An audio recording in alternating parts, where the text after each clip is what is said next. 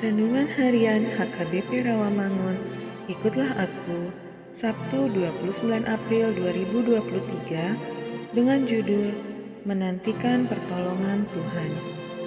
Bacaan kita pada pagi hari ini tertulis dalam 1 Petrus pasal 4 ayat 1 sampai 11.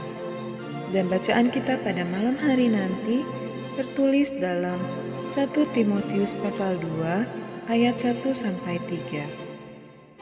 Dan kebenaran firman Tuhan yang menjadi ayat renungan kita pada pagi hari ini tertulis dalam Ratapan pasal 3 ayat 26 yang berbunyi adalah baik menanti dengan diam pertolongan Tuhan.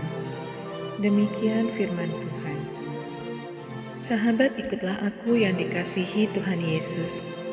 Hidup ini penuh dengan suka dan duka senang dan geram, tawa dan tangis datang silih berganti. Hati kita sedih, mata kita pun pedih.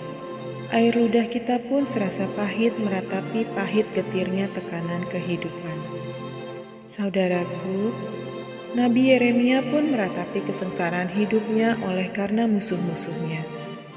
Dia dihalau ke dalam ruang gelap gulita. Dia dipukuli sepanjang hari, daging dan kulitnya menjadi kusut, tulang-tulangnya pun patah. Bahkan, laksana beruang dan singa, Tuhan menghadang serta merintangi jalannya dengan batu pahat.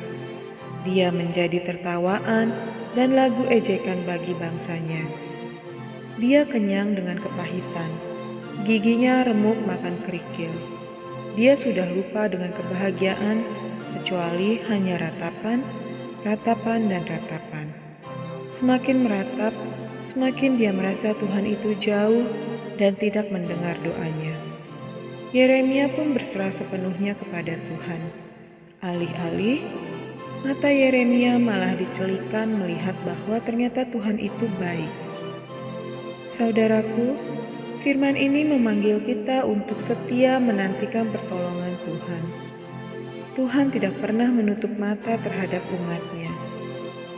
Dia tidak pernah membiarkan apalagi mentolerir kesewenang-wenangan. Tuhan membenci ketidakadilan dan perkosaan terhadap manusia. Maka itu, apa pun deritamu, teguhkanlah hatimu. Setialah menantikan pertolongan Tuhan. Kuasa Tuhan akan semakin nyata dalam hidup kita. Kita beroleh keselamatan adalah semata-mata oleh karena kasihnya. Tuhan tidak pernah tuli akan berbagai ratapan iman kita. Ratapan itu bahkan menjadi kairos indah bagi kita untuk melihat tangan Tuhan yang setia terentang untuk memberkati kita. Amin. Mari kita berdoa. Ya Tuhan, tolong dan kuatkanlah aku agar menjadi orang yang setia menantikan pertolonganmu dalam berbagai ratapan kehidupan dalam penderitaan hidup yang kualami dan kuhadapi. Amin.